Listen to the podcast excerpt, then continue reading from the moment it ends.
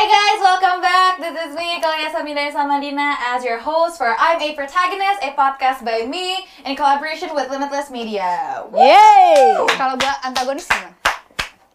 Kayaknya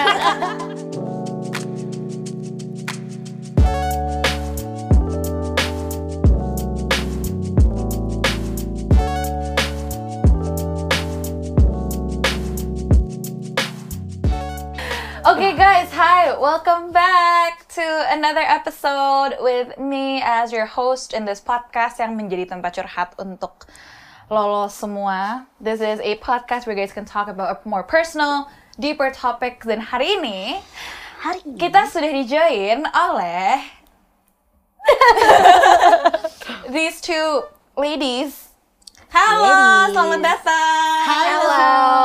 Mungkin Kita mau- di sini tamu ya. Iya. guest star, Guest star. Guest star. Guest Tapi akan lama-lama kayaknya nggak kayak tamu ya.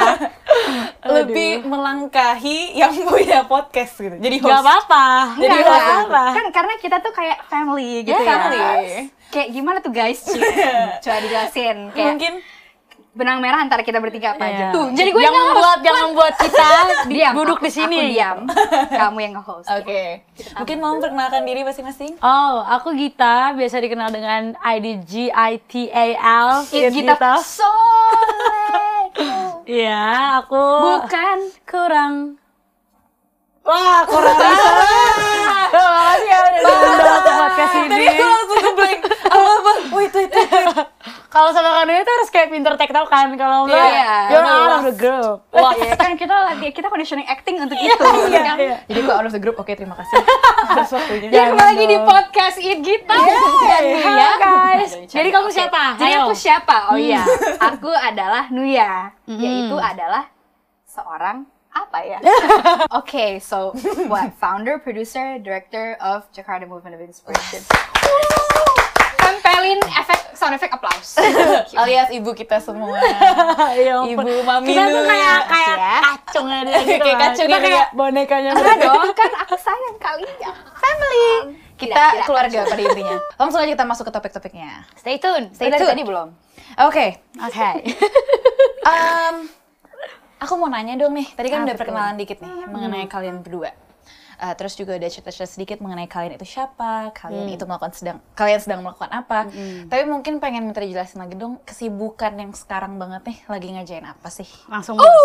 Silakan. Sibuk ya. Sibuk nih, lumayan. Tapi kita lebih sibuk nih, sering bolos latihan. Eh, nggak pernah. Nggak pernah. Gue bolos bercanda, gue latihan. wah, Kayak. Jakarta Moving tuh di atas prioritas gue gitu Wah, loh. tapi memang benar. Kamu bolos baru kemarin ya? Iya, tapi ternyata tidak jadi latihan. iya, jadi nggak jadi nggak bolos ya. Berarti nol Iya, absen loh, nol. Wah, keren. Jadi Oke. gua dan Gita Mm-mm. lagi eh, bersama di produksi musikal petualangan Sherina Jakarta Moving. Ya itu, Ya ya itu. udah ya tahu lah ya musikal petualangan Sherina. Siapa sih yang nggak tahu? Ya.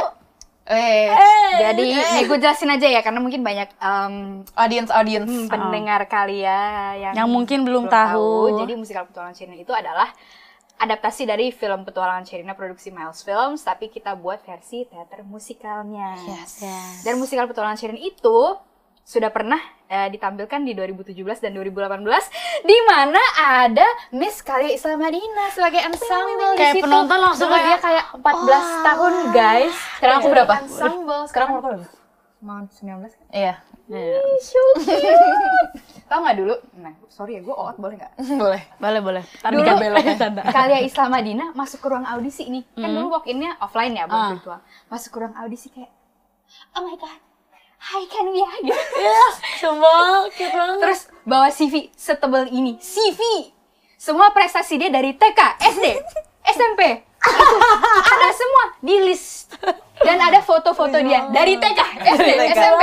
Itu kayak portofolio Iya lah. Itu Porto. Itu bukan TV. Itu Porto. Itu album. Itu album. Itu album. Itu itu buku novel. kayak, "Ay, aku ngefans banget sama Kania. Cute banget. 14 year old banget. Kania. Takut. Don't embarrass me. Sorry. Don't embarrass me in She's front of the cool camera. I'm and cool now. Enggak sama sekali enggak kayak yang tadi aku bilang semua itu bohong. Iya, itu bohong. Jadi itu kesibukannya ya, Bun. itu kesibukannya ya. Enggak, ya kesibukannya eh, MPS Hmm. terus um, Jakarta Movie lagi eksplorasi berbagai medium lain Yeah. tetap of course in arts and entertainment tapi salah satu katalis kita eksplorasi medium itu juga karena pandemi ini so Betul. maybe we're gonna talk more about that. Dan amazingly di tengah pandemi ini terciptalah terlahirlah Gita dan Solek dan sedang mempersiapkan single-single lainnya menjadi gue cerita Oke, jadi betul banget. Sebenarnya Jakarta Movie itu adalah peran terbesar dalam hidup saya ya di Wow. umur 19 menuju 20 tahun ini. ya Jadi sebenarnya perjalanan musik udah dari lama, tapi berkat Ibunda Nuya, saya bisa mewujudkan mimpi saya yaitu merilis sebuah single perdana yang berjudul Hal Indah Butuh Waktu Untuk Datang. Jadi kesibukannya akhirnya hanya promo, promo, latihan, promo, bercanda-bercanda, podcast, ya gitu lah, podcast. Iya. sudah siap menjadi host baru untuk podcast ini nambah kesibukannya Amin. Amin. Pas banget nih. Kan tadi kan Kak Gita baru banget bilang nih. Um, banget rilis single. Iya, sebagai Hal indah butuh waktu untuk. Iya. Nah, pengen dong diceritain itu sebenarnya lagunya tentang apa sih? Oke. Sebenarnya kelihatannya kayak basic banget ya. Kalau misalnya se- seseorang yang jomblo, kayak semua orang pasti di ruangan ini pernah jomblo gak sih? Kayak kamu pernah jomblo berapa tahun deh? Lagi jomblo. Dia bukan lagi jomblo gitu. kan. Logikanya Kayak manusia ketika lahir tuh itu udah jomblo gitu kayak kita tuh de- Dari dekat lahir banget jomblo, ya dengan lahir. konsep jomblo gitu. Iya, paham. Nah, aku tuh sebenarnya eh, berasal dari keresahan sendiri nih lagu. Hmm. Di mana aku ngelihat teman-teman aku generasi Gen Z ini kayak kok mudah sekali mendiskreditkan diri sendiri hanya karena tidak mendapatkan validasi dari orang lain. Oh ya. Contoh, kalau lu belum dapat pacar berarti lu Kurang. aku kurang, Kurang. minus cuy. Atau kayak lo Itu nggak bisa maintain kurang. relationship ya atau Iya. oh sadar lo ketinggian kali makanya lo nggak dapet cowok gitu Iya. Hmm. banyak kan pak banyak kalau kita wanita gitu kan yang cepat sekali kalau nggak dapet jomblo tuh eh kalau jomblo berarti Kurang. kuring nih. Kayak, no. Nah, Gitu. nah Ah, paham. ini sebenarnya awal keresahan aku, tapi aku pengen bikin lagu ini tuh menggambarkan keadaan-keadaan yang kita sering mendiskreditkan, diri sendiri. Nah. Jadinya ini sebagai penyemangat kayak, bro lu nggak boleh, nggak boleh bikin diri lo seakan-akan kayak lo kurang. Nah. Lo tuh nggak kurang pak, Iya. tapi hal indah lo belum datang. Ah, Nah, kita kan suka bertanya-tanya, cuy mana nih reward buat gua? Ini kenapa hidup kagak adil, Pak? Gitu Hmm. Iya. kan, sering kan? Iya, iya, Lu sering betul, gak sih betul. kayak gitu? Sering lah ya. kayak kapan nih? Kapan, Kapan waktu gitu? gue datang gitu? Oke, sekarang gini, kalau dikasih sekarang siap nggak? Nah, Nah, sebenarnya proses hidup kita itu untuk mempersiapkan kita for a better life, you Iya, know, girl, paham. gitu. Paham, paham. Biasa lu aja. wise banget gitu. Lanjut aja sayang, gitu lah, udah betul untuk datang. Siraman rohani orang-orang ini. Anjing segitunya kan tuh lagu ya. Anjir. Bener gak Dengerin lagi kayak anjir deep langsung gitu. Langsung kayak gue nggak pernah sadar ada meaning terindah di belakang ini sebelumnya. Gila gue berasa Aduh. disinari banget. Iya, kayak kalau Jakarta Movie punya mantra kan? Iya. Nah, mantra gue itu Halinda butuh waktu untuk datang. Gitu. Kalau misalkan nih, kan deket banget nih sama ada konsep solekmu. Yes. Solekmu sendiri itu sebenarnya apa sih? Sebenarnya soalmu itu hanya pengalihan isu karena judulnya panjang banget. Halinda butuh waktu untuk datang. itu dia terbuka Butuh waktu untuk datang karakter habis ya. Kalau di Twitter tuh kayak lu cuma bisa kayak Capek gitu. Ah, Terus loh. kalau bikin hashtag tuh kayak Halinda butuh waktu untuk datang. kecapean orang kan. Iya. Jadinya dan untungnya solekmu itu sesuatu kata yang jarang kita temukan di lagu-lagu kan. Jadi du- dalam menarik perhatian kayak orang-orang baru yang nggak tahu aku kayak solekmu nih apa nih solekmu, gue mau dengar dan ternyata ya gitu lagunya. Itu hanya pengalihan isu, bagian dari campaign juga sih. Oke, paham. Tapi gue jujur ya, Apa gue jarang sayang? dengar kata solek nih kak. Hmm. Solek, mungkin Solek. mau dijelaskan Kak, Oh, kata-kata oke, oke. solek tuh apa sih kak? Solek tuh sebenarnya kita bersolek. Laki, wanita bersolek kan. Kita menjalani hari-harinya dengan bersolek gitu. Tapi kadang kita ini bersoleknya itu gak buat diri kita sendiri. Ah, paham. Kadang karena tuntutan kayak eh lu jerawatan deh, kayaknya lu butuh di itu gue kayak gitu gitu Iya, lah. iya, iya. Hal yang kayak banyak yang membuat lu harus mempercantik diri gitu. Iya. Nah, kadang yang kita lakukan untuk diri kita sendiri itu bukan kita. Hmm. Ya nggak sih kayak seribu cara untuk membuat dirimu mempesona, tapi kau menderita karena itu bukan kau yang sebenarnya. Gitu loh maksud gua pak. kayak Kayak dengar dengar suara audience lagi roaring in the background kayak Dimasukin sound effect, dimasukin sound effect girl. dan Gitu ya. sound effect tepuk tangan. lu harus sering-sering ngomong serius kayak gini. santai santai santai. santai, Gue sama dia bercanda doang sama curhat. kayak kadang kayak kita kayak gitu bukan untuk kita sendiri. Iya, nah, paham. maksud aku tuh kayak solekmu tuh bukan kurang cukup. Jadi lu tuh udah cukup pak. Hmm. Tapi yang buat lu itu harusnya lebih dari itu. Karena kita ya lu mau dapat pasangan yang kurang kan kagak. Lu mau dapat pekerjaan yang bagus kan. Nah lu dipersiapkan untuk itu bukan karena lu kurang gitu maksud aku. Gitu aja sih singkat soleknya. Damn, keren banget. Terus kenapa sih kayak why did you started that in the first place? Kenapa Kayak kenapa tiba-tiba memilih kayak lagu oh itu? gue mau Oh, mau bikin mau bikin gini lagu nih, itu. gue pengen nunjukin message-nya ini ke dunia. Kayak emang ada pernah sempat ada kejadian yang seperti itu Oh, kah? ini menarik nih, menarik. Atau kayak Jadi si bunda ini kenapa sayang? Enggak, gue cuman mau cerita aja. Sebelum gue denger Solek, gue udah denger empat lagu Ah, kita iya, yang lain. iya. Ini nih, ini nih, ini Terus coba gimana? Dilanjutin, Bu. Nah, jadi kan ibunda ini kan yang pertama kali menawarkan saya, lo mau bikin lagu nggak? Sekarang ini gue produce gitu kan. Itu jujur itu kayak hari di- itu hari itu di mana gue tahu ini kayaknya hari gue akan eh, hidup gue akan berubah. Dan ternyata beneran berubah berkat si ibunda ini. Serius? ibu semua orang Gue ya. bahkan kayak, ibu, ibu tuh semua bukan, orang. bukan bermaksud kayak, Mother lo Earth. mau gue produce nggak? Sebenarnya kayak, lebih kayak, git, lo harus harus Harus bikin lagu kayak gitu, harus ya. ya gitu Nah, terus gue kasih nih lagu gue nih. Iya. Dia banyak, lumayan. Hanya sedikit dari lagu-lagu yang gue tulis. Terus kayak, Pak ini ah, kayak, aduh yang mana nih yang mau gue naikin ya? Yang mana nih yang gue naikin? Tapi ternyata gue sadar, lagu-lagu yang udah gue tulis ini keresahan gue dulu. Oh, iya. Tapi apa keresahan gue sekarang gitu kan? Nah keresahan gue tuh ya, apalagi nih pandemi ini tuh banyak banget melahirkan orang-orang insecure pak, ya nggak sih? Iya, bener. Kayak secara gamblang mereka bilang mereka insecure dan banyak banyak waktu sendiri kan, Iya. kayak jadinya stres sendiri. Padahal sebenarnya ya nggak tahu ya kayak pandemi ini tuh banyak menyulitkan banyak orang. Nah itu keresahan gue nih, hal Iya. ini butuh waktu untuk datang. Iya. Jadi jangan banyak ngeluh, tapi ya lu jalanin aja prosesnya. Iya. Gitu. Paham. Gitu. Webinar guys. Webinar. Webinar nih narasumber kita. Eh boleh ngomong kasar nggak sih di sini? Eh, nanti disensor ya, Cakra. Oh ada sensor ya? Ntar disensor. Kayak oke oke oke. Kalian kalau ngomong kasar nggak apa? anjing Kucing. Kucing. Dan juga kelinci itu adalah nama-nama binatang. Aduh, pengalian isu. Pengalian pinter, pinter nih, harus pinter-pinter. memang harus kan profesional Oke, aku mau nanya nih. eh, apa? Mungkin Kanoya pengen cerita nih ke orang-orang kayak um, how did you started Jakarta Movement in the first place? gue sering banget mendapat pertanyaan ini dan setiap kali gue ceritain ulang ceritanya beda-beda Oke. Gak tahu kenapa karena Karena lupa. karena gue sering me- menyadari bahwa uh, life decisions gue atau gimana gue menjalani perjalanan hidup yang sangat penuh plot twist ini tuh kayak kadang-kadang lo baru menyadari hal-hal tuh setelah lewat. Ngerti gak sih? Mhm.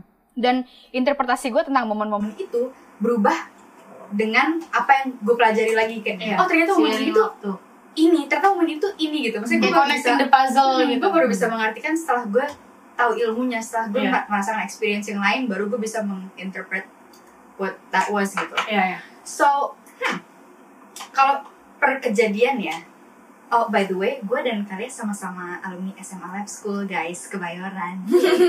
Ya oke long story short adalah um, dari SMP gue suka bikin short movie. Kayak um, perjalanan gue mencari kayak what am I gonna be in life tuh kayak berubah-berubah banget ya. Iya.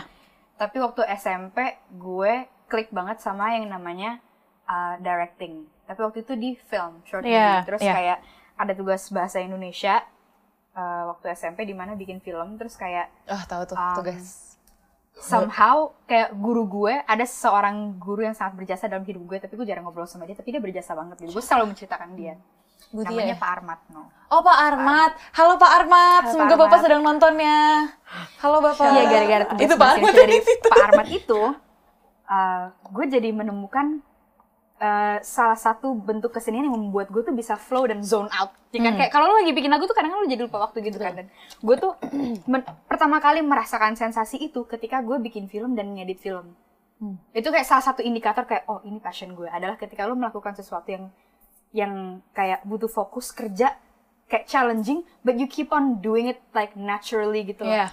Kayak the challenge Paham. is fun Iya. gitu. It's something that you wanna Iya. do. Karena gue gue punya satu teori kayak gini. Kalau misalnya lo mau grow, itu it has to be challenging enough. Yes. If it's not challenging, it's gonna be boring. Yes. If it's too challenging, it's gonna be stressful. Jadi harus Yeah. benar-benar tengah-tengahnya banget. iya, betul. Dan gue pertama kali ngerasain itu waktu gue uh, bikin film. Mhm.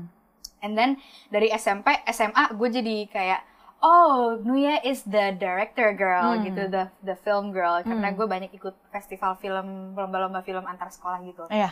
And then uh, ya biasa anak-anak SMA sotoy ya kayak kita mau bikin drama musikal siapa nih yang direct oh iya Nuya Nuya karena dia kan uh, sutradara film ada beda banget ya film sama kayak Teater panggung tuh kayak wah. Itu dua hal yang sangat sangat sangat sangat berbeda. sangat-sangat berbeda So tapi different. kayak we didn't know any better terus Yeah. kayak gue kayak oh ya bisa gitu so pertama kali gue ngedirect musikal tuh di situ gara-gara si um, musikal Skylight ini Iya.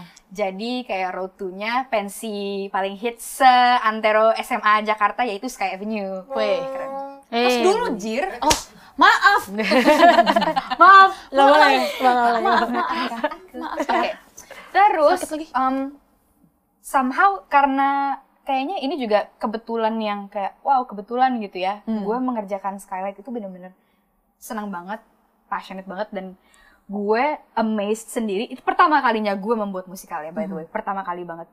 Gue langsung jatuh cinta banget sama uh, sama skala kolaborasinya. Hmm. Kayak so many people harus bener-bener sync Iya. untuk bisa ini works gitu. Iya, Kalau misalnya betul. film kan kayak ya ada yang nggak sync bisa diedit, Mhm. bisa di apa ganti kamera gitu-gitu. Tapi kayak kalau di musik really easy to manipulate Lu bener-bener rely on a lot of people doing a lot of different things tapi Yep. sync somehow. Kayak kita kayak satu otak tapi kayak banyak gitu yang Iya. bergerak barengan. Betul. Dan gue bener-bener jatuh cinta banget sama kayak uh, bentuk kesenian ini. Nggak cuman as an experience sebagai penonton kan nonton live tuh kayak it's a different feeling Yeah. kan. And like, ketika lo tampil live juga it's a different feeling. Yeah. Tapi on a conceptual level juga kayak wow, kayak ini bener-bener adalah uh, eksplorasi dan pendalaman like kemampuan manusia nih Hmm. dalam kayak bekerja sama dalam berkomunikasi. Ya. Makanya kayak gue melihat musikal tuh sebenarnya kayak jir ini tuh kayak That's the- sacred Iya, banget iya. gitu. It's the purest form Exactly, of buat performance. gue bikin musikal tuh ibadah gitu loh, Iya. gak sih? Kayak Solata. Cause it's so it's so zen dan kayak it's like it's like I feel like I'm growing so much Iya. Dan walaupun I do it a lot of times ya maksudnya uh, gue sekarang at this point gue punya udah punya beberapa judul musikal yang Yes. sudah gue direct gitu Yeah. but every time I do it again there's always something new that I get from these new um, group of people Iya. ya kan and like seeing them grow also kayak helps me grow Iya. Ini kita lagi ngomongin apa sih by the way How you started. oh yeah how I started yeah that was it that's it That's it. That's because it. you love doing it. Yeah, and, And it's, because- it's unintentional, bukan Iya. kayak it's not a decision. It's just Iya. kind of like a series of kebetulan, kebetulan, kebetulan, and then I just followed what I love, Yeah. and it sticks. Tapi that's actually really great because Kayak I see you guys, and then you guys are like, you guys are talking about this. This is your passion gitu. This is something that you love gitu. This is something that you love doing gitu. It's really great because you get to do this like as a living gitu. Yep. Kayak you guys are doing this uh, karena kalian kayak maksudnya kayak kalian suka banget sama melakukan ini. Terus you guys get to get other benefits dengan melakukan ini gitu. kayak monetary. ya, ya bahasa baiknya moneter ya. Bahasa kasarnya money gitu. Tapi kayak um, how does it feel like gitu? Pernah gak sih ada pressure yang kayak um, lama-lama kok hal yang gue sukain ini jadi kayak beban banget ya karena gue harus kayak there's a there's like a business side to it obviously Oke. gitu apa apa all the time it's like fun dan terus-terusan indah atau kayak ada moments di mana yang kayak hmm, kok ternyata gue nggak suka yang ngelakuin hal yang gue suka terus gue gue bisnisin gitu Oke. ibaratnya. Siapa duluan? Oke. Kalau dari gue pribadi realistis aja sih. Karena gini, untuk menghasilkan suatu karya itu butuh orang. Orang itu butuh dibayar akan jasanya, akan profesionalismenya dia, Iya. akan kemampuan yang dia juga udah diasah nih dia kuliah di sini, dia udah Iya. ace dalam bidang itu. Iya. Terus gue sendiri pun gue harus membayar semua jasa gitu loh. Kayak in the end pasti tentang duit, tentang Iya. pasti tentang duit. Mau gue sebatu apa pun ngikutin idealisme, gue nggak perlu duit. Gue mau berkarya sesu- sesuka hati gue. Nggak Gitu, bisa. kayak, Iya. nggak bisa. Pada akhirnya akan harus ada yang dibayar dan gue pun harus mereward diri gue gitu. Iya. Dan gue harus berproses juga Iya. dan itu butuh duit gitu. Iya. Karena semua ini tentang duit gitu Iya, iya. kan.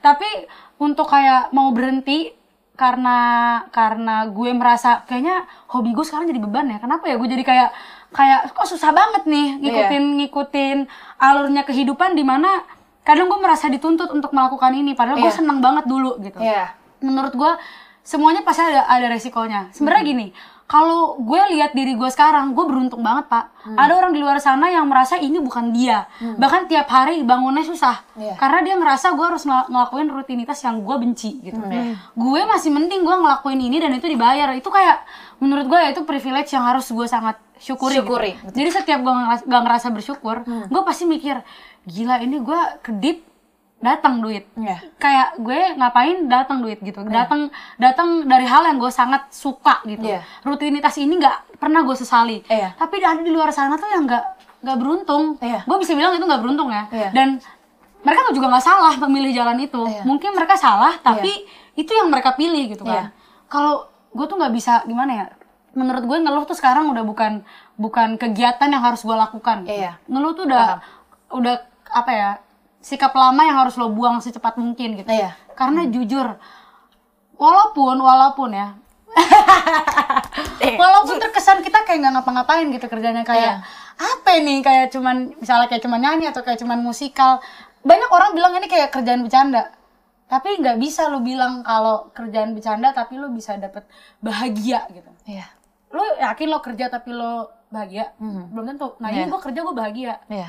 gitu jadi menurut gue menurut gue untuk sekarang ya untuk sekarang gue nggak pernah ngelihat bernyanyi sebagai beban Hmm. itu tuh sebenarnya dari perspektif dari otak gue lagi gitu loh kayak yang bikin itu jadi beban itu lo sendiri Iya. Yes. lo bisa nolak kalau lo mau nolak Iya. gitu kan lo Iya. bisa kayak kita udah cukup dewasa buat stop diri kita dari hal-hal yang kita nggak enjoy Nggak suka. kayak mudah Betul. kok tapi Iya. gue tau lah tuntutan orang banyak Iya. gue dikasih privilege di mana gue bisa berkarya Iya. ada orang di luar sana yang bahkan nggak bisa gitu Iya. karena banyak tuntutan Iya. tapi kalau gue pribadi anjir gue bersyukur banget dapet hidup kayak gini Paham. oh sayang Orang, alhamdulillah orang. kalau kamu gimana bun Gimana, Bun? Um, at this point ya, um, gue melihat ada karya yang sifatnya kayak oh ya demand gue dibayar karena skill gue karena ada tuntutan kayak seseorang membutuhkan gue untuk membantu mereka membuat ini. Gitu. Iya. ada kerjaan yang kayak gitu sama ada kerjaan yang kayak gue bikin karya yang emang uh, dari dari gue gitu. Kayak adalah dorongan dari dalam yang gue merasa dunia ini butuh ada karya ini untuk suatu purpose gitu. Yang dorongannya adalah dari dari kreatornya Iya. gue harus ngebalance untuk bikin dua-duanya Iya. karena yang satu adalah uh, gue melihatnya adalah growth dan kontribusi gue di dunia ini Uh, yang satu adalah ya adalah ya for a living seperti Iya. yang lo bilang gitu ada job-job di mana kayak dua-duanya itu bisa bersatu tapi nggak semua Iya. dan gue harus menerima itu gitu Iya. gue harus gue harus tahu ketika gue mem- membuat sesuatu kayak oh ya ini adalah tipe job yang mana mindset gue akan beda mengapproach dua-duanya Iya. and I have to accept that there are both dan challenges-nya beda gitu kan? Karena kayak Betul. oh ya kalau misalnya yang ada demand-nya gitu misalnya it's a client based project kayak ya udah duitnya gampang aja kayak someone's paying me to do it gitu. Tapi kalau kayak passion projects tuh kadang-kadang kayak justru kita yang berkorban secara Betul. finansial. Kayak Jakarta Moving tuh annual projectsnya yang kayak MPS gemuruh musikal sekolahan itu tuh kayak it's always huge financial risk. Tapi karena we believe in the story karena we feel like dunia tuh butuh karya ini. Kayak orang perlu mendengar ini gitu. Um, so we take that risk because because we love it. Gitu. Iya. tapi ya, ya seiring berjalan karena things have to sustain kita harus imbangi juga dengan job-job yang lain jadi ya. jangan terlalu idealis juga sih Benar, it has to be a balance. Dan ini gue mau sedikit cerita ya. Before it became my job, um, it was it started as a volunteer thing. Jadi waktu musikal sekolahan dan gemuruh dan MPS pertama, you volunteer too kan yang Yes, pertama? I Yeah. did. So Jakarta Movie itu started with um, it, it was a passion movement Passion yang benar-benar yeah. pure volunteer kayak the scriptwriter, the set designer, the the, The everything. everything dari mulai kreatif sampai ke kru apa segala macam bener-bener kayak kita belajar bareng aja gitu. Kita sekelompok anak-anak soto yang punya kecintaan yang mau meluangkan waktu dan tenaga dan melakukan ini bareng-bareng gitu. And that that grew into something bigger ternyata yang kayak oh ini mulai harus di harus di approach nih. Karena kayak dari kita yang belajar bareng lama-lama jadi skillful bareng juga kan. Dan seperti yang tadi kita bilang skill itu harus di reward Iya. to be able to sustain to be able to have these people yang udah cinta banget sama pekerjaannya for them to keep on doing it, it Yeah. has It to has- turn yeah. into a job. Yeah. It has to fulfill their needs gitu Yes, kan. betul. So then uh, dari yang tadinya semangat volunteerism yang benar-benar community based banget, akhirnya Hmm. kita evolve ada dua kaki.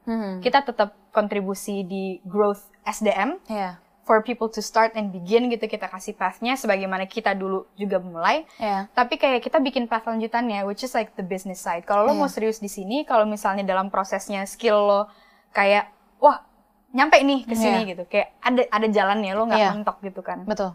Dan itu salah satu hal yang kayak sampai sekarang gue juga masih memperjuangkan untuk untuk nge- ngelancarin path itu kayak kalau lo mulai investasi uh, skill dan tenaga lo dan pikiran lo dan waktu lo di Jakarta Movin kayak ada nih there's like ada jalannya untuk lo bisa masuk ke Paham. dunia kreatif tapi kayak ya for now it's still a path yang kayak apa ya Harus terus digali. Yeah it's it's still it's still being built Iya. I mean it's kayak mulai berbentuk tapi kayak it belum sereliable itu Iya, iya, karena kan memang industri kreatif kan full of surprises ya Yes, guys betul. ya you never know things change Betul. like all the time Cepet apalagi sekarang sih sekarang tiba-tiba pandemi everything change lagi dan kayak kita Iya. harus adapt and everything ya kan Iya. so yeah it's it's Ever changing. process Yeah. like always ya. Betul. Tapi aku agree banget sih, like when you guys said bahwa ya I love doing this and uh, gue malah sekarang liatnya gue bisa melakukan ini for a living tuh it's not it's not gue bisa komplain kalau kayak gue nggak jadinya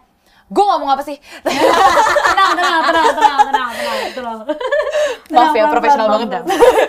Tapi ya maksudnya em, udah nggak ada ruangan lagi buat yang kayak aduh kok gue sedih sih gara-gara yang tadinya gue bisa sebebas mungkin ngelakuin ini. Like it's just a passion for me dan gue emang suka ngelakuin ini terus jadinya jadi beban gitu. Tapi justru malah people who get to do what they like for a living should be grateful. Karena banyak banget orang di luar sana yang they don't get to do that even if they wanted to. Betul. Yeah. in hal ini apalagi like being in the creative industry itu tuh bukan sesuatu yang oh gue wake up gue mau jadi penyanyi sukses hari ini. Yes. tuh nggak nggak yang kayak gitu gitu. Jadi kayak for you guys and for other people di luar sana yang bisa melakukan apa yang mereka suka for a living. Udah mereka nyanyi dan mereka berkarya dan mereka menari dan mereka melakukan hal-hal kreatif yang mereka suka terus mereka dapat uang itu kayak gue udah nggak ruangan lagi buat komplain man. Kayak harusnya gue bersyukur gitu tiap hari karena ya gue bisa melakukan ini dan it's beneficial for me in a lot of ways gitu. kalau dia komplain ya berarti bukan passionnya dong ya lu ganti kerjaan aja Dan paham paham. Yes, betul. menambahin ya kayak aku sih mikirnya gini ya kadang memang stres Iya. pasti stres Iya. tapi gini enaknya jadi passion jadi jadi uh, sesuatu yang kita pekerjakan ya Iya. enaknya gini walaupun sestres apa pun kita tuh ingat kalau musik tuh menyembuhkan gua Iya. jadi gimana caranya supaya gua keluar dari stres itu ya musik lagi Iya. mau nggak mau kita balik ke tempat kita berdiri lagi Iya. mau mau nggak mau ya Iya. karena walaupun gue stres apa pun ngejalanin prosesnya gue inget kayak tuh dulu gue depresi yang nemenin musik Iya. gue yang depre ya saat saat gue depresi gue mengerjakan pekerjaan gue nulis gue nulis Iya. skrip atau gue nulis apa pun gitu kayak itu yang pernah nyembuhin lo Iya. dan mau nggak mau obat lo itu Iya. itu sih Nggak ada ruang buat muak lagi kira-kira Iya. kayak ya gue Indian bakal balik lagi ke situ gitu. mau nggak mau That's that's actually really amazing. Tapi aku juga setuju in the parts yang kayak ya mau nggak mau di dunia ini pasti butuh balance ya. Passionnya ada, tapi tetap ya this world needs money gitu money. ibaratnya. oh gue Itu gue sangat banyak equal. gue pernah dipaksa bokap gue untuk kayak stop kind of like stop Jakarta Movie and like Yeah. get a real job karena waktu itu kan kan as I said it started voluntary kan Iya, iya. dan kayak menurut bokap gue bokapnya nyokap dan bokap gue waktu itu kayak memandangnya ini kayak ekskul yang keterusan gitu sorry sorry. ya kan gue udah nggak udah udah nggak sekolah udah nggak kuliah tapi padus. kok lo masih anak ekskul aja kerja dong gitu iya, kan paham. Until um, apa ya gue I tried some jobs. Ya walaupun tetap di industri kreatif Iya. tapi kayak it just didn't sit well with me. Iya. kayak I was always my mind was always escaping back ke Jakarta moving Iya. gitu. Dan akhirnya ya gue ya dan ya mungkin kita juga kayak pernah ngerasain like pushing something yang waktu itu seemed like impossible but like you just had that drive to keep on doing it. Yep, dan akhirnya kayak oh ternyata muaranya ini ternyata kayak oh ya ada jalannya gitu. Ternyata si ekskul keterusan ini memang menjadi sesuatu yang kayak akhirnya Bisa gitu. jadi ya jadi jadi living gue gitu. Iya. Tapi kayak kalau misalnya gue nggak ngikutin dorongan dari dalam gue dan gue uh, go with ke keinginan orang tua gue dan sekitar gue yang kayak ya wanting me to do the normal thing, which is like get a corporate job, ya I wouldn't have known that ternyata ada jalan di situ. Karena kayak gitu kan, lu nggak bisa ngeliat jalan ke depan, lu cuma bisa kayak setelah lo lewatin, lu liat ke belakang, oh ternyata kayak Iya. gitu jalannya kan. Betul betul. Gak ada yang tahu ke Absolutely depannya bakal kayak gimana. Yeah. So just do it. Ya. Just do it. Kayak- inti, just do it. Kompasnya di sini. Yeah. Anjay. Oke. That was really nice. Nah. That was really nice. That was really nice. Nah, nah. Tapi aku udah nggak bisa berkata-kata lagi karena kayak whatever you guys said was really really true gitu. kayak itu udah kayak webinar lesson gitu.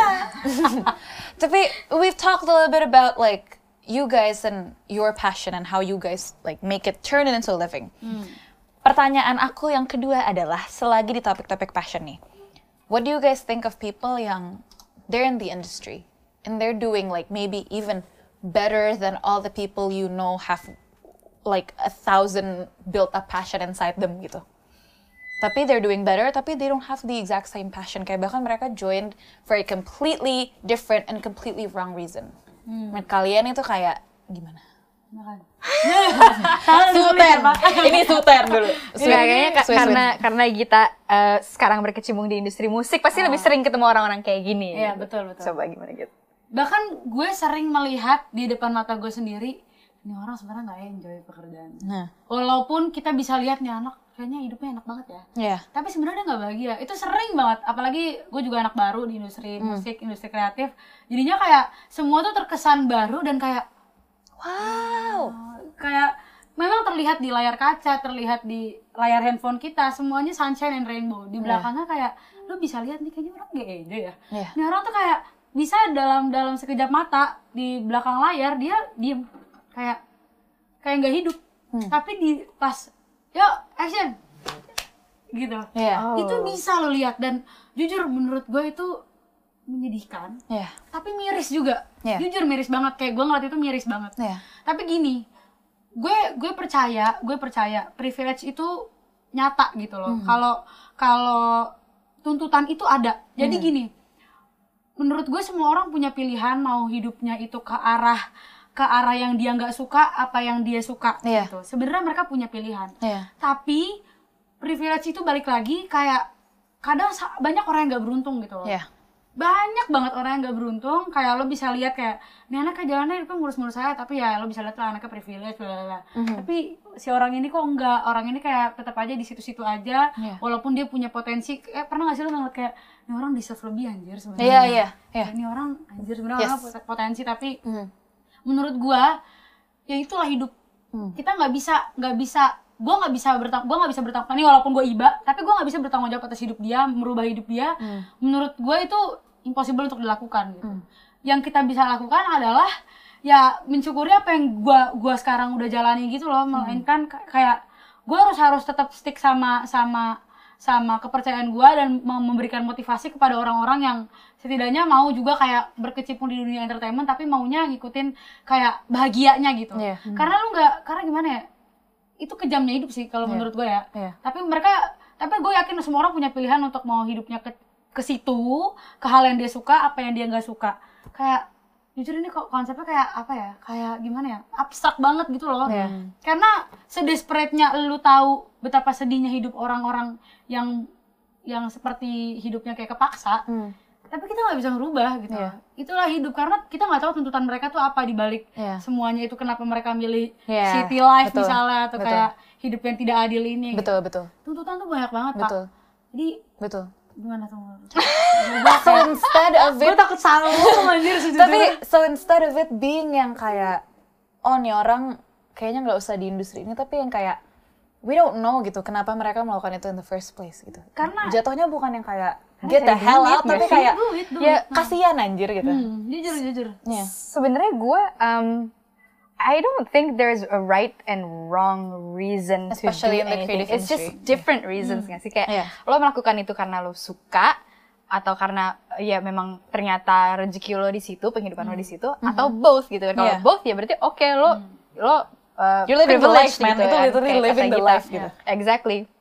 Kalau lo suka tapi kayak lo duitnya nggak di situ ya berarti kayak ya ya itu balik lagi Ah. kan banyak sih sebenarnya teman-teman gue yang kayak they choose corporate jobs because they need to like make a living Yeah. tapi kayak sebenarnya kayak gue selalu menunggu kapan waktu gue balik lagi ke performing arts Hmm. atau balik lagi ke nyanyi gitu-gitu tuh banyak banget tuh teman-teman gue yang kayak gitu um, but dan again mungkin oke uh, gue melihat juga di industri kreatif itu banyak yang memang tujuannya hanya jualan gitu Yeah. dan menurut gue nggak salah karena kayak industri kreatif itu it's not always about ideas and inspiration and passion Yeah. it's also about entertainment it's also Yeah. about capturing people's Betul. attention Mm. Betul, so betul. that big brands can sell their products Yeah. you sell products by Agreed. getting people's attention Setuju. gitu. Itu kan ya sebenarnya nggak nggak salah juga gitu. Tapi kayak ya pilihan lo aja sih. Lo mau lo mau membuat uh, karya atau mau membuat kontribusi kreatif di uh, jenis Hal-hal kesian, kesenian yang mana gitu kan. Iya. Kalau dulu waktu gue dipaksa mencoba cari kerja di industri kreatif gitu kan. Oh, sorry.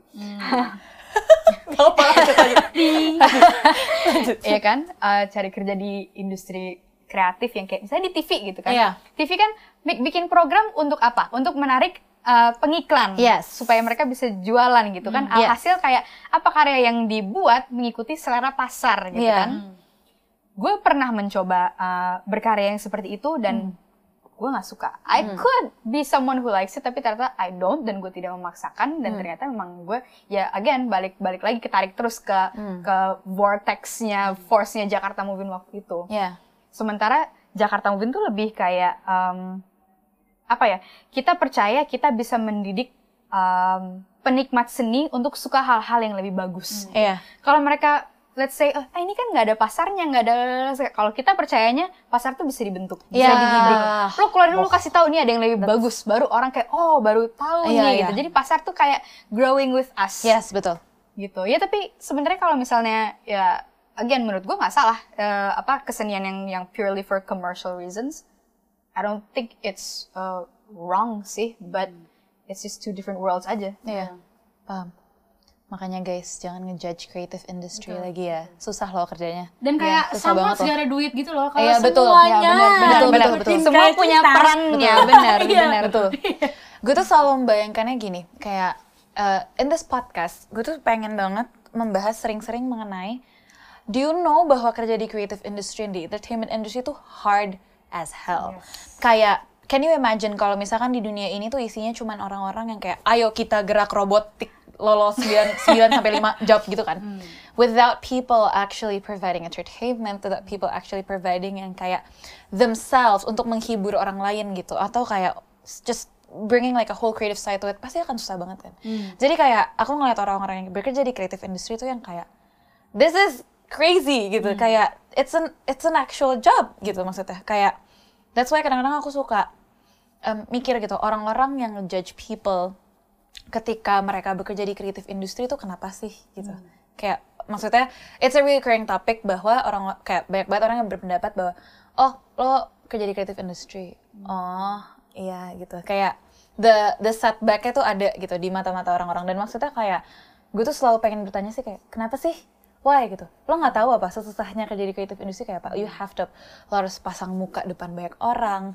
You have to sometimes put up a front that maybe you're not gitu. Jadi kayak creative industry itu sulit, gitu you, ju- you guys just don't know about it gitu Dan sebenarnya gini juga kalau kita lihat di perspektif lainnya, bisa jadi mereka memang living the life 9 to 5. Mereka Iya. tuh emang pe- pengen kerja 9 to 5 Iya. di balik kubik Iya. atau corporate life. Sebenarnya itu nggak masalah juga gitu loh. Iya. Kayak kalau gue pribadi ya ngelihat teman-teman gue sekarang, apalagi kita umurnya hampir sama kan, Iya. dan dan ngelihat banyak teman-teman. Ya kita hampir sama juga nih. Ini teman kita umurnya 17 tahun. Kayak kita kita di seumuran gua kita tuh masih kayak bakal jadi apa ya? Bakal jadi apa ya? Hmm. untungnya gue dikasih sama Tuhan kayak sedikit pencerahan git mau nggak kamu ke ke jalur ke sini penyanyi?" iya. Tapi banyak dari mereka yang juga lagi wondering masih kayak mencari-cari mereka tuh sukanya apa dan mereka mau jadi apa. Menurut gua kayak kalau di tempat kayak gini ya kalau lo juga saling kita saling mencari kita maunya ke mana iya. nggak bisa sikut-sikutan dan nggak bisa saling kayak aduh lu mau kerja kayak gitu lu Iya. mau kerja iya kayak iya. Banyak orang yang ngeliat gue kayak badut. Iya. Tapi sebenarnya bukannya lu yang badut. Gitu loh. Iya, iya. Kayak, tapi ya santai aja. Maksud gue kayak gue gak gocek lu lu gak gocek gue gitu kan. Takut. ya udah kerja aja lah duit Iya, iya. duit duit gue paham no judging gitu. Hmm, why should you judge gitu? Hmm. itu sih selagi uangnya masih halal dan masih melakukan yang disukai kenapa harus dijudge Pokoknya kembali ke halal itu nomor satu ya. halal dan happy. Iya. double H. Sekarang kan kita lagi dihadapi dengan the virus that shall not be named nih. Depannya C belakangnya A nih yang menjadi yang telah menjadi pandemi nih di satu dunia kita. Pengen nanya sih kalau misalkan kalian berdua nih selama pandemi ini tuh yang susahnya di pekerjaan kalian tuh apa sih? Silakan. Well, Bos, silakan bos. well, where do we Obviously. start? Obviously. Mulai dari mana ya? Ini pembicaraan yang ini kita baru mulai nih. Ah, Ini baru nih. ah. Teater itu kan adalah soal uh, ruang dan waktu, Iya. ya kan? Kita sharing space and time and experience, a life experience. That's what theater is all about. And how can you do that without sharing space and you know atmosphere, ya Iya. kan? Ya, sekarang semua pindah ke virtual gitu. Sekarang ada lagi ada perdebatan besar di dunia teater gitu. Teater virtual apakah tetap bisa disebut sebut teater kalau tidak di ruang yang sama gitu. Ya, eh, itu itu debat yang sangat panjang. Kita tidak akan membahas di sini.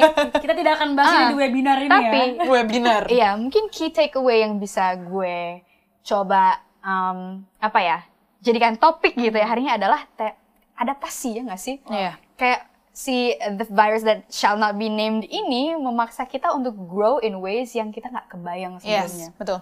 Kayak gue mau memulai audisi MPS walaupun waktu waktu itu udah mulai WFH ya. Lu mau mau aja lagi tetap audisi gitu. Terus kayak terus gimana ya? terus kayak anjir setahun kemudian masih gitu ya. Yang mana kayak kita kira, oh iya dua minggu lockdown hilang dadah. Enggak. Oh iya nanti lebaran bakal kelar. Enggak juga. Oh iya nanti akhir tahun ganti tahun. Ya Tidak. enggak juga. Bro. Kayak udah lu jangan berharap kayak things will go back the way it used to. Ya maybe it will, tapi kayak it's gonna take time and there are things that already changed that will not be unchangeable, Iya, betul. ya kan? Contoh pakai masker. Hmm. Mungkin dan ya efeknya ke ke karya ke dunia kreatif ke ke how um, art is being distributed and being consumed. Iya, pasti itu- berbeda. Iya, itu evolution yang akan kayak ya itu, itu legasinya corona dan kayak ya mau nggak mau you have to you have to Diikutin. follow the new ways gitu kan and we have to think about how karya yang kita buat tuh distribusi barunya seperti apa. Mungkin kalau misal offline tuh sudah balik lagi, ya uh, online ini tidak akan hilang. Mungkin bakalan jadi kayak oh alternatives there's going to be a- always offline dan online gitu. Iya.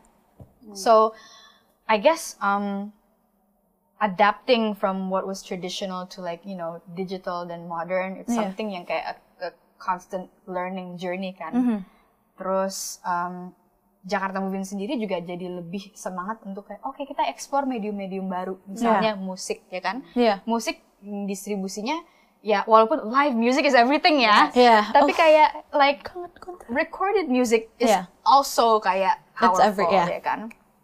Terus like podcast, hello. Yes. Hello. Hello friends. Terus Hello world. um, apa ya? Uh, bentuk-bentuk kesenian lain yang kayak sudah you know e- evolved dan uh, bisa tetap menjangkau orang banyak like say film ya the way we watch films now juga lagi changing kan dari Iya, yang betul. nggak bisa ke bioskop terus And sekarang kayak always stay changed. Yeah, I mean, it's there's streaming more than ever now. People Iya. are streaming more than ever. Betul. like video on demand and everything. Um, dan ya mau nggak mau kita harus berpikir kayak nggak cuman kayak how we respond and how we distribute dan apa me- mempersembahkan karya kita sekarang, tapi kayak ya kita harus mikir like two, three, four, ten years ahead juga mau nggak mau kan kayak oh what's gonna be next walaupun kayak ya it's never going to be like 100% sesuai prediksi tapi kayak you always have to think the next thing in order to survive ya Iya. nggak sih Hmm. Setuju, setuju, setuju. Betul. Kalau gue, menurut gue ya, Hmm. em, pandemi ini sebenarnya gini, a change that we learned the hard way. Iya. Kalau itu, kalau itu gue gini sih, by Gita. gini, kayak, kayak gini. katanya mau bahasa Inggris Ya, Ya, iya, sekarang quote-nya bahasa betul. Inggris QBG. Nih, gue gue insecure tapi kayak, nggak nggak boleh insecure kan solekmu Oh, siap. Solekmu. Jadi gini, kalau gua gini, sebenarnya pandemi ini kalau bagi gua ini berkah. Mohon maaf nih, ba- bagi gua berkah karena berkat TikTok, berkat pandemi gua main TikTok dan hidup gua berubah di situ. Jujur, gua di tahap kayak gini. Sumpah kalau misalnya ini pandemi nggak terjadi, apakah hidup gua akan sama? apakah hidup gue beneran berubah Iya. kalau misalnya pandemi ini nggak terjadi itu Iya. gue juga mikir nih Iya. kalau kita balik Iya. nah sebenarnya gini gue yakin hidup kita sekarang yang tadi gue bilang we learn the hard way Hmm. sebenarnya kayak mau nggak mau walaupun udah kembali ke normal juga Mhm. kita akan cara baru pak Iya, benar. kayak Jakarta Movie nggak akan mikir tentang gimana virtual kalau nggak gara-gara pandemi ya Iya, nggak sih benar. kayak kita nggak akan tahu Iya. pas dikasih kayak gini baru mikir kan Iya. jujur jadi kalau gue sebagai penyanyi kita rindu gigs of uh, gigs of air kayak jujur rindu banget nih pengen Hmm. Bertemu gue dengan sebagai orang. it gitaf pengen di panggung gitu Oh dulu iya. kan gue nggak jelas dulu kan gue kayak Bener. penyanyi bercanda aja kan Iya kan Oh, jangan gitu Oh dong. berarti belum berarti kan next bucket momen. list lo adalah lo nyanyi lagu lo depan live audience. yes Kayak- pasti That pasti energy gitu Iya ya. kan? Iya iya benar benar. banyak artis terkenal gara-gara panggung tapi gue artis terkenal gara-gara pandemi gitu loh kayak artis berkat pandemi gitu loh dan gue belum pernah ketemu orang langsung dan gue bernyanyi di depan mereka mereka tahu gue cuma nyanyi di online di sosial media gitu ini kan cara baru gitu loh Iya. dan gimana ya gue sih melihatnya kayak memang hidup kita tuh udah berubah sekarang mulai detik ini mulai itu corona di, di eh nggak boleh ngomongin ya kayak ini Nggak, CA. itu rules yang boleh. Kayak CA. ibu host aja tadi yang melarang. ini tuh kayak di saat itu diumumkan Iya. harusnya lu udah tahu hidup lu akan berubah di situ Iya. hidup semua orang Iya. karena cuy kita hidup kita di pause secara kolektif pak Hmm. Kita stres nih padahal semua orang stres Hmm. semua gagal semua yang direncanakan untuk 2020 hancur lebur lebur nggak ada satupun yang jalan kayak Double R. mohon maaf nih gitu loh kayak lo aja nggak bisa ngerasain padusnya padibio gitu Iya. Gue merasa terugikan. iya kan tapi Dia nggak bisa merasakan, gue tidak sengaja tidak merasakan. Mohon maaf, gue anak UI terburuk Kayak sepanjang masa. Mahasiswa tidak teladan. Beda sama mereka-mereka ini. Oke, Joyce. yang udah pernah ngerasain sekolah offline, kuliah offline, harusnya bersyukur harusnya bersyukur. Harusnya bersyukur. Kayak gue nggak pernah. harusnya tuh kita tahu jadi Iya. gue gue melihat sekarang gue udah nggak boleh ngeluh pak ini udah bukan saatnya ajang keluhan siapa yang paling berat hidup siapa yang paling sulit di masa sulit kayak gini nggak bisa Mengeluh idol. Gak kayak lucu. Tadi ini tuh udah Gue, gue, gue, gue support dia loh. Bos gue anjir. Udah bukan bos lagi kan? Ini bos gue Iya. gue dia dulu kayak Kania I love you so much. Sekarang kayak gue kayak beh kal apa jing? Five years later. I'm still cute. Iya cute. ya kan. Jadi kayak gue gue mendingan sekarang tuh kita jadiin tantangan nih. Apa nih? Cara baru nih. Kita Iya. harus meninggalkan cara-cara dulu, cara-cara lama yang selalu selalu kita udah terbiasa tuh di setting. Oke, begini begini. Iya. Kayak menurut gue ini perubahan yang walaupun kurang ajar ya. Kok, Iya. kok gini gitu. Iya. Kok hidup pahit banget begini. Dan tiba-tiba gitu. Iya kan? Ya, itu kita gue setuju banget. Adaptasi Iya. adaptasi itu penting banget. Kalau lu nggak bisa beradaptasi, lu udah lu tersingkirkan pak, Iya. lu kalah, Iya. lu kalah di perang ini. Ini Iya. sebenarnya kita perang cuy, Iya. perang sama yang kita nggak lihat. Iya. Kayak kita nggak tahu di ruangan ini, ya canda. Langsung kali ke yulu yulu yulu. Jangan sampai ya. siar langsung besok Ya lalu di Iya, belakang iya, iya. di belakang kita produser kami nah, mengetatkan nah, maskernya Nah, nah. memakai hoodie, Tahu loh, no touching. gue punya masker ngapain kayak gini ya geblek Kayak kita nggak tahu gitu. Kita perang. Nah, siapa yang gugur? Hmm. Siapa yang gugur? Berarti dia nggak bisa survive gitu. Hmm. Jadi untuk kalian yang masih dapat kesempatan nggak bisa nih, lo harus bersyukur nih. Lo tahu besok mau makan apa? Karena banyak orang di pandemi ini Hmm. Bahkan tidak bingung bisa. mau makan apa besoknya. Agreed. Gimana dia ngasih jajan ke anak-anaknya atau ngasih kuota ke anak-anaknya untuk untuk belajar besok aja. Lo harusnya bersyukur gitu. Iya. Nah sekarang tuh kayak, oh gue juga ngeliat gini. Dulu kita sering banget sebelum pandemi kayak gini. Anjing gue pengen nyoba jahit dah, tapi Nggak bisa, waktu. ya. Gue pengen belajar main gitar dah, gue Iya. pengen belajar main drum dah. Iya. Sekarang lu punya waktunya pak, Iya, iya. lu punya waktunya anjir. Iya. Kayak lu bisa ngomong kayak yang dulu lu kayak duh gila gue sibuk banget nih gue gak bisa nyoba kayak gue pengen deh kayak hmm, belajar eh, Ngopi. ngo- Belajar- eh, belajar iya, bim- barista belajar atau kayak masak. apa kayak Iya. belajar masak sekarang lu punya waktunya Iya. let's go Iya. yang nggak bisa lagi lu kayak Iya. aduh pandemi gimana nih hanya hanya Iya, iya. nggak bisa Justru malah ini waktu yang tepat untuk produktif. yes Agreed, agreed. Jadi itu selalu yang gue selalu bilang ke orang-orang. Hmm. Kayak ngapain lo bersedih over something yang ya udah kejadian gitu loh. Hmm. Kayak lu mau ngapain, lu mau tiba-tiba jadi scientist terus lo menemukan vaksinnya kan nggak mungkin Tidak gitu kan. bisa. Jadi selagi hal ini udah terjadi, mikirnya coba dipikir kayak ini tuh kayak waktu tambahan gitu loh. Pikirnya Hmm. positifnya gitu. Kayak ya udah dari kemarin lo pengen nyoba apa tapi lo nggak bisa, pada akhirnya sekarang lo udah bisa nih. Hmm, You have all the time in the world. Sekarang semuanya bisa dilakukan online. Lo bisa double device. Lo bisa cuman kayak misalkan dari kelas online lo menyalahkan laptop lo terus lo melakukan hal lain sambil meeting hal lain gitu. sambil nonton Itu- konser, itu sambil juga sekolah bisa online. gitu. Bisa, Iya, gitu. maksudnya kayak selagi kayak gitu tuh bisa do something yang produktif. Don't let ini sebenarnya bleh sih, tapi kayak don't let this pandemic stop you from doing what you love. apalagi kalau dapat privilege yang kayak tadi gue betul. bilang lu masih masih bisa makan besok Iya, harinya iya. gitu. dan terutama Betul. bermusik ya karena Iya. karena saya musik Iya.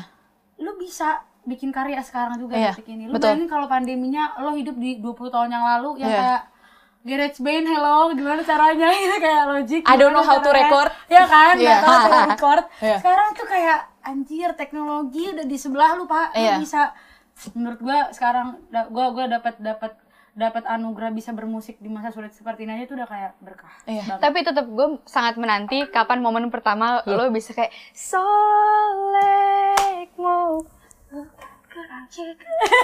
hati Karaoke. Wah, lebih keras lagi itu gue sangat menunggu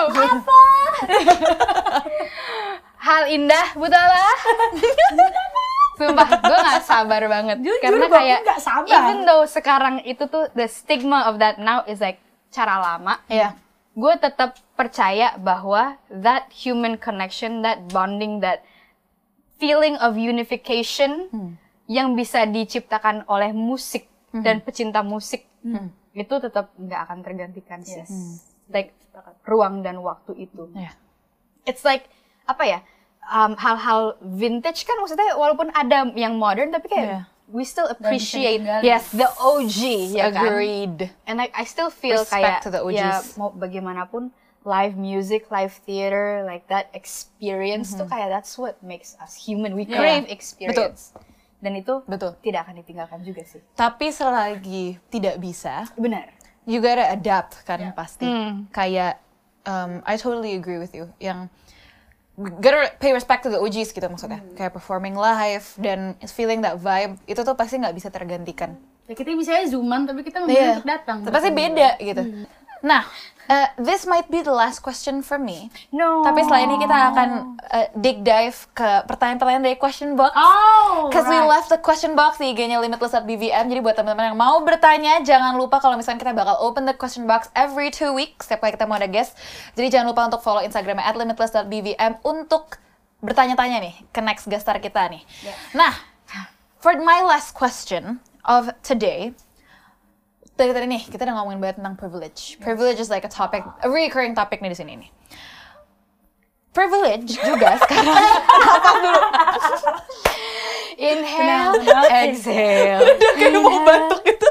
What I wanna ask adalah privilege menurut kalian tuh sepenting apa sih? Like not just in your jobs, but like in everyday gitu. Karena kan privilege kan maksudnya itu topik yang sekarang tuh lagi kayak ya everywhere tuh semua orang tuh yang ngomongin mengenai Yes. privilege gitu. Di TikTok, di Instagram, di Twitter semuanya tuh ngomongin, oh my god, pasti lo kayak lo orang yang berprivilege nih. Nah, menurut kalian privilege, terutama di pekerjaan kalian tuh apa sih? privilege tuh How kayak important it is. kenapa somehow privilege tuh kayak negatif ya Iya, iya. konotasinya padahal kayak sebenarnya privilege dan rezeki sebenarnya sama nggak sih Iya, gitu kayak betul. ya menurut gue rezeki itu memang rezeki orang beda-beda ya satu kan tapi um, ada faktor juga kesiapan lo menerima rezeki itu Halinda butuh waktu untuk datang guys hashtag Ah, solekmu gila, gila, Ya gila, kan? gila. dan kayak lo coba if you replace kata privilege dengan Rezeki. jadi kayak lebih lebih nerima aja nggak sih Iya, kayak betul. "Ya, ini emang rezeki lo gitu Betul, Kayak betul. itu emang privilege lo dan Betul. kayak apa yang lo bisa lakukan adalah ketika rezeki itu datang ya udah di embrace dan lo gimana caranya lo lipat gandakan lo lo lo terima satu lo jadiin dua lo jadiin tiga lo jadiin Ah. empat gitu so like and everything we do in this case kayak kita lagi ngomongin peran kita di industri kreatif gitu ya Iya. um, gimana caranya ketika lo menerima sesuatu lo nggak cuman mengkonsum itu as like your own personal growth dan experience Tapi lo tapi lo juga jadiin itu kontribusi lo Iya. Iya nggak sih Agreed, agreed. Terjawab nggak? Terjawab, terjawab sekali. Ibu Itjita. Ini beban nih jujur. Kalau gue pribadi, privilege itu tuh kenapa dilihat konotasinya negatif? Karena menimbulkan persaingan. Oh ya, agreed. Betul. Persaingan. Persaingan yang dibuat sama siapa? Iya. Persaingan yang dibuat sama kita dan otak kita sendiri. Iya. Dan bagi kalian yang mempunyai privilege lebih, misalnya Iya. economic privilege, beauty privilege, ya udah, congrats. Harap digunakan dengan baik gitu. Hmm, buat saya yang tidak mempunyai beauty privilege, Embrace. embrace, embrace. Keselak, keselak Butuh keselak kopi. Pak. Iya. Semua yang tidak mempunyai privilege itu, let's go yuk kita kerja bareng-bareng. Iya, biar betul. lebih dapat Iya, nih yang betul, kita betul. mau gitu. loh. Agreed. Karena balik lagi, karena kita juga nggak tahu nih persaingan dibuat sama siapa, privilege pun nggak ada yang bisa narik kita nggak bisa narik privilege orang, Hmm. orang nggak bisa narik privilege kita. Jadi mau kita ngomong kayak, ah lo kan cantik, terus lu mau ngapain mau gerauk Iya. mukanya dia cantik Actor actor. Pinter, pinter. Pinter, pinter. kayak lu mau gerauk Iya. atau ya lu kan lu kan anaknya siapa ya itu semua ngapain bapaknya gitu nggak ada Iya, iya, kita nggak bisa gitu ngambil sesuatu dari orang lain orang lain juga nggak bisa ngambil Dan itu nggak jadi hal yang buruk bagi Kan mereka kenapa gitu. disalahin gitu kan kayak ya masa salah lu jadi anaknya orang iya gitu memang gitu. pahit Iya. pak itu pahit itu kenyataan yang pahit dan itu tidak adillah dunia ini Iya. Tapi mau gimana saudara-saudara Iya, iya. nggak bisa gitu nggak Iya. ada yang kita bisa kita Benar, benar, lakukan Iya. face it gitu face Iya. it aja gitu Iya. Jadi what we need to do adalah kayak you you just gotta work hard for it nggak sih? If you don't have the privilege. Ya, intinya lu privilege-nya privilege tetap kerja keras Iya. cari apa yang lu suka Iya. lakuin Iya. If you have the privilege, harap digunakan dengan baik. If you don't, yes Ya, rezeki lo akan datang dalam bentuk lain. ya oke oke gue setuju itu setuju itu benar kayak kayak mungkin lo let's say misalkan ya lo suka nyanyi tapi rezeki lo mungkin nggak di connections. Hmm. mungkin rezeki lo di kayak suara lo emang saking bagusnya indahnya cantiknya gitu. Ya udah lo pikirnya kayak oh berarti gue harus kerja keras di bagian connections. Gue harus main sama orang gue harus rajin-rajin kongko nih sama anak-anak yang memang ada di industri kreatif gitu. Jadi kayak jangan pikir itu jadi setback untuk lo atau jadi terlalu kelebihan untuk orang lain. Karena jika memang itu kelebihan buat orang lain ya udah nggak apa-apa. Tapi itu bukan berarti kesempatan lo untuk mendapatkan hal yang sama itu tertutup gitu. betul. you just have a different rezeki di bidang lain gunakan rezeki itu biar lo tetap mendapatkan yang lo inginkan. Bisa dibentuk lain atau bisa di waktu yang lain yes juga. betul betul betul. Cuman sabar. satu kuncinya, satu kuncinya. Jangan ngeluh. Iya. Oke. Jujur, gua gua tuh terlalu banyak kejadian di hidup gua yang gua gini, kayak menemukan gini. Pas gua ngeluh, gua nggak pas gua ngeluh mulu, kagak dikasih apa-apa. Hmm. Bener-bener nggak ada yang datang ke gua. Nggak ada rezeki yang gua rasa kayak gila, ya gitu. Iya. Yang di luar kuasa gua. Tapi di saat gua berhenti ngeluh, nggak tahu kenapa ya, datang. Hmm. Dan tandanya kalau lu udah berhenti ngeluh, tandanya lo siap. Iya. Kalau lo kebanyakan ngeluh, lo masih dinilai belum siap pak. Lu yang nanti kaget atau lo yang nggak bisa mempergunakan hal baik yang datang ke lo itu, malah ada yang ada lo malah kayak lo buang gitu. Iya. Jadi kuncinya jangan ngeluh. ini tuh kayak law of attraction gitu nggak Iya. sih Betul. Gimana pak? Gimana nih? Gue suka nih. oh iya iya dibaca ya jelasin, law, jelasin, bukan jelasin. buku saya tapi salah satu ilmu mujarab gitu ya kayak what will come to you is what you apa ya kayak You are kita ready kan for- semua energi ya Iya. kayak kayak kita tuh magnet sebenarnya jadi kayak apa yang akan kita receive adalah hal yang sudah kita siap untuk attract juga jadi apa yang lo mau attract tuh bukan caranya lo menarik tapi kayak lo siapin diri lo supaya Iya. lo bisa mengattract apa yang Betul. lo cari It's like trust. Lo nggak bisa memaksa orang untuk percaya sama lo, tapi ya itu akan datang ketika orang lain merasa lo sudah bisa dipercaya. Tak ada yang kurang darimu, kau sempurna, kau harus tahu. Weh, cakep. Cakep. Eh, Cakep. kita langsung setuju. Cakep. Dia ada yang bersuara gitu di belakang. Cakep. Mari kita masuk ke segmen berikutnya. Yeay. Yaitu adalah pertanyaan-pertanyaan dari teman-teman kita di Instagram. Kak Gita dari dulu emang suka nyanyi apa enggak sih? Dari dulu aku suka nyanyi. Tapi dulu tuh gue gini, punya pandangan. Punya cita-cita ya, kan biasa ya anak muda. Iya. Kayak nyanyi tuh cuma hobi gue, tapi gue akan kerja kantoran. Dulu gue mikir gitu. Walaupun gue Oh, gak tahu damn. kantoran apa. Iya. Dulu gue Gue juga gitu. Iya. Ya kan kayak, ah udahlah nyanyi tuh kayak cuma hobi gue lah. Kayak, Iya. misalnya kayak gue jadi penyanyi kafe gitu. Iya. Nah, gue karena gue dari keluarga Batak, gue jadi biduan di keluarga gue, keluarga besar gue apalagi. Iya.